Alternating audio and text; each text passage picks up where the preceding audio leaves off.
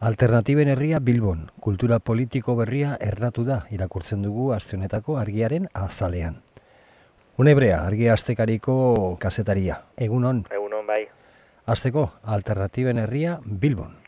bai, alternatiben herria intzan, e, Euskal Herrian egiten den bosgarrena eta eta bestela egiten den ez dakizen bat garrena, ba, bizi mugimenduak, iparraldeko bizi mugimenduak, deialdia egin zuenetik, orain dela pare bat urte, olakoak antolatzeko klima aldaketaren aurkako borrokaren testu inguruan, ba, bueno, deialdi horrek arrakasta eduki zuelako, eta batez ere Frantziako estatuan, ba, leku askotan egin izan direla, euskarazko izena hartuta gainera, alternatiben herria edo alternatiba marka nolabait erabilita, eta hori diodanez Euskal Herrian bosgarrena, baina hau desberdina izan da, Euskal Herriko eskubide sozialen kartak antolatu zuen, hartu zuen erronka hori, alternatiben herria antolatzeko, baina klima aldaketaren e, testu ingurutik asko zarago.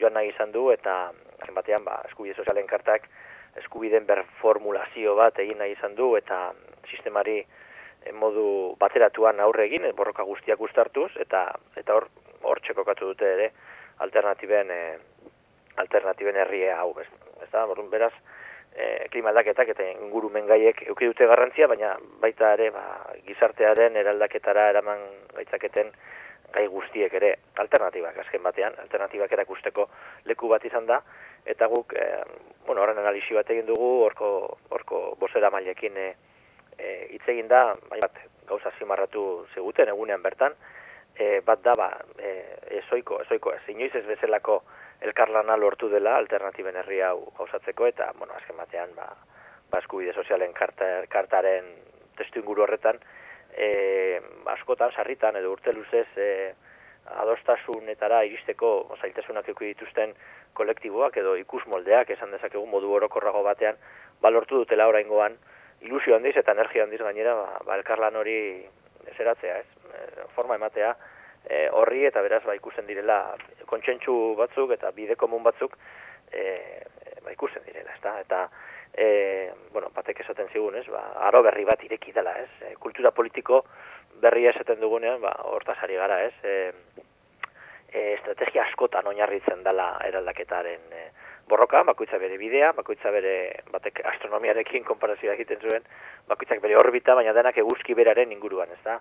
E, ardaz komun batzuk badaudela eta eta bueno, ba eskerraren bide berriak ba ba hoiesek e, hoiesek izan daitezkera, ez da? Eta bueno, beraz eskubideak ere ba ber formulatu eta eskubideak e, eskuratzeko ba modu berriak e, modu berriak egon daitezkela, ez da? Arlo guztietan, ez? Bizitzaren arlo guztietan eta azken batean hortaz ari gara, ez? E, bizitza berri bat e, bizitza berri bat eraikitzeaz, ez?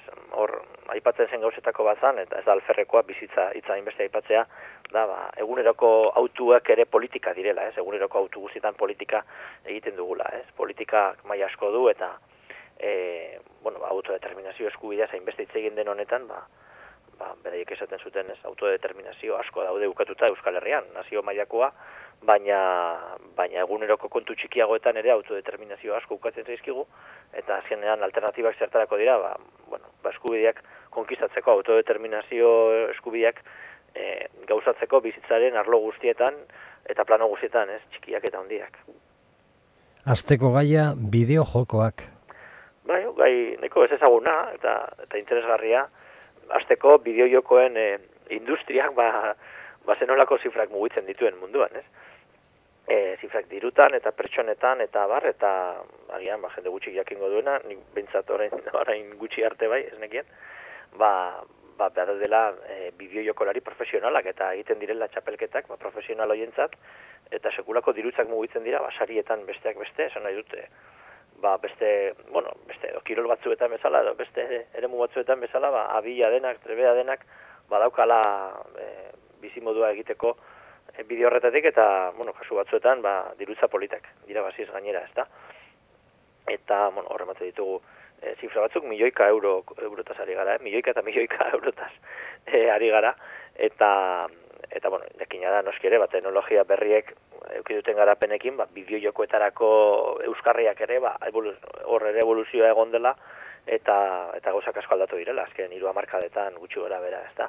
Hor Euskal Herriak ze txoko duen eta euskerak besteak beste ze txoko duen ere aztertu nahi izan dugu, eh hainbat bideojoko jokalari elkartzen diren eh zera, elkarteak badaude, eta Euskal Herrian badago bat, eta gainera Euskara saritzen diren e, jokalariak dira, eta horietako batzuekin hitz egin dugu, eta esan ba, noski Euskal Herriko realitatea asko zapalagoa dela, baina badirela Euskara asko bideo jokoak, eta e, azken urtetatik ona sortu direla, eta eta badire, bueno, badirela ba, mundu horretan euskarak ere lekua eduki dezan e, borrokan edo lanean ari direnak ere badaude, hor daude eta beraien realitatea kontatu digute, hori bai, ba, ba gertatzen den bezala, e, bueno, ba, mundu mailan aritzeko euskarak baditu laustopo batzuk eta hemen ere adibide hon bat ematen dute, ez? Bago bihoioko bat futbola, futbola duena ardaz, ez? FIFA izena du eta bueno, multinazional ezagun batek ekoizten du joko hori eta galdetu zioten, galdetu zitzaion ba, zere, bueno, ze baldintza legoken edo aukerari egongo litzateken joku hori euskerara itzultzeko, ez da, hortarako enpresak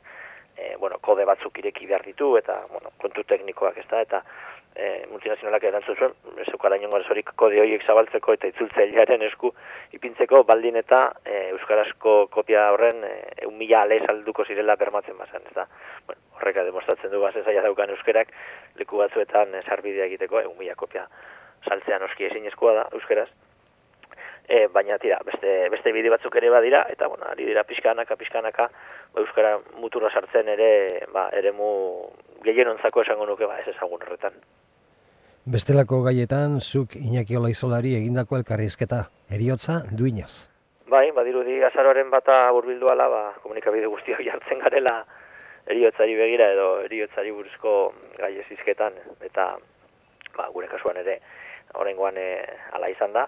Iñaki Ola Izola, bueno, Iñaki Ola Izola, gaztetan, aspaldi, irureta maika urte baititu, ingeniaritza ikasi zuen, eta lanbide horretan eman zuen bere karrera profesionala, esango dugu, eta erretiro hartu ostean erabaki zuen antropologia ikasketak egitea e, unibertsitatean, baita amaitu ere, baita doktore gotesia egin ere, eta doktore gotesirako eriotzaren gai aukeratu zuen, eta arrezkerostik ba, buru belarri dabil eriotza ikertzen eta lan desente ekoizten izan ere, aurten aurkeztu du bigarren liburua horri buruz, ez da.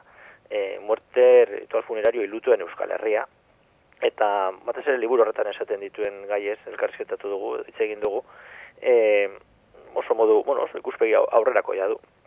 E, inaki, hola izolak gaiaz, labur esan da esaten du, ba, irurogeikoa markadar arte Euskal Herrian eriotzarekiko harremana bizitzeko, ba, modu bakarra egon dela, berak eredu bakarra, eredu tradizionala esaten dio, eta ordutik ona, eta gero eta gehiago, ba, ba, bizkanaka bada ere, ba, ari dela agertzen edo berak fenomeno emergente aipatzen du, ba, beste eredu bat, berak biografiko esaten diona, tradizionaletik, tradizionalari aurre egiten diona, eta gehiago oinarritzen dena norberaren ikus moldean norberaren bizitzan. Alegia nor bere eriotza kudeatu eta antolatuko du antolatu naia ba bizi izan duen moduaren arabera ez hori ba e, tradizionalarekin eta batez ere Elisak erabiltzen dituen moldeekin kontra jartzen du ez? Elisak e, bueno bai eta guztiak egite ditu modu berean ezta? Kontuan hartu gabe hildakoan hori izan zen. Eta bueno eta batez ere kontuan hartu gabe jende asko estela fededuna eta aldiz bueno ba pizkanaka badator badator dio Iñaki Olaizolak ba beste modu hori, ez? Individualizatuago eta bai azken agurra bizitzeko e, antolatzeko modu hori, hori e, noski e, errituala di dagokionez, ez? Beste kontu bada eriotza bera nola bizitzen dan eta berak eriotza esaten dio etapa oso bati e, gero eta gehiago ba sarre hiltzen gara eta eta gero eta gehiago eriotzaren aurretik mendekotasun fase bat dago, hainbat urte irauten duena, ingurukoei ere eragiten diena, eta, bueno, arazo sozial bilakatzen ari dena, denok dakigunez, eta eta e, eriotza horri guztiari esaten dio, ez? Eta horrek aldarazten baitu ere ikuspegi asko, berarekin hitz egin duten askok, liburu hau egitean, elkarzeta asko egin ditu, eta askok esan dute, ba, e, txarto hiltzeari diotela beldurra, ez da, hiltzeari baino, eta beraz kalitatezko eriotzaz hitz egiteko garaia da, gainera azken boladan izan dira loko e, ez da batzuk, e, ez da, ba, bueno, ba, eutanasia, ez eutanasia, sedazioa, eriotza duina, eta ez da hori pilpilan dago eta hori da zuzen ere inakiola izolak astertzen duena. Eta gainera hain ere aipatzen du e, Euskal Autonomia Arkidegoan lege bat, e, lege bat ari direla ez da bidatzen, eriotza duinari buruz, Nafarroan badago, eta, bueno, antzan ez, e, babiak hildo beretik duaz, eta berari ez aio gustatzen, ez bat eta ez bestia. Nesan digunez, ba, e, bueno, bizitzari amaiera emateko, e, bueno, sedazioa emateko, eta fiskator, e, iztegiaren makurkeria dago, ez? Eutanasia hitza saiesten da, baina sedazio azkenean antzeko litzateke. Baina tira, kontua da, horretara iristeko ere baldintza gogorregiak esartzen direla, ez?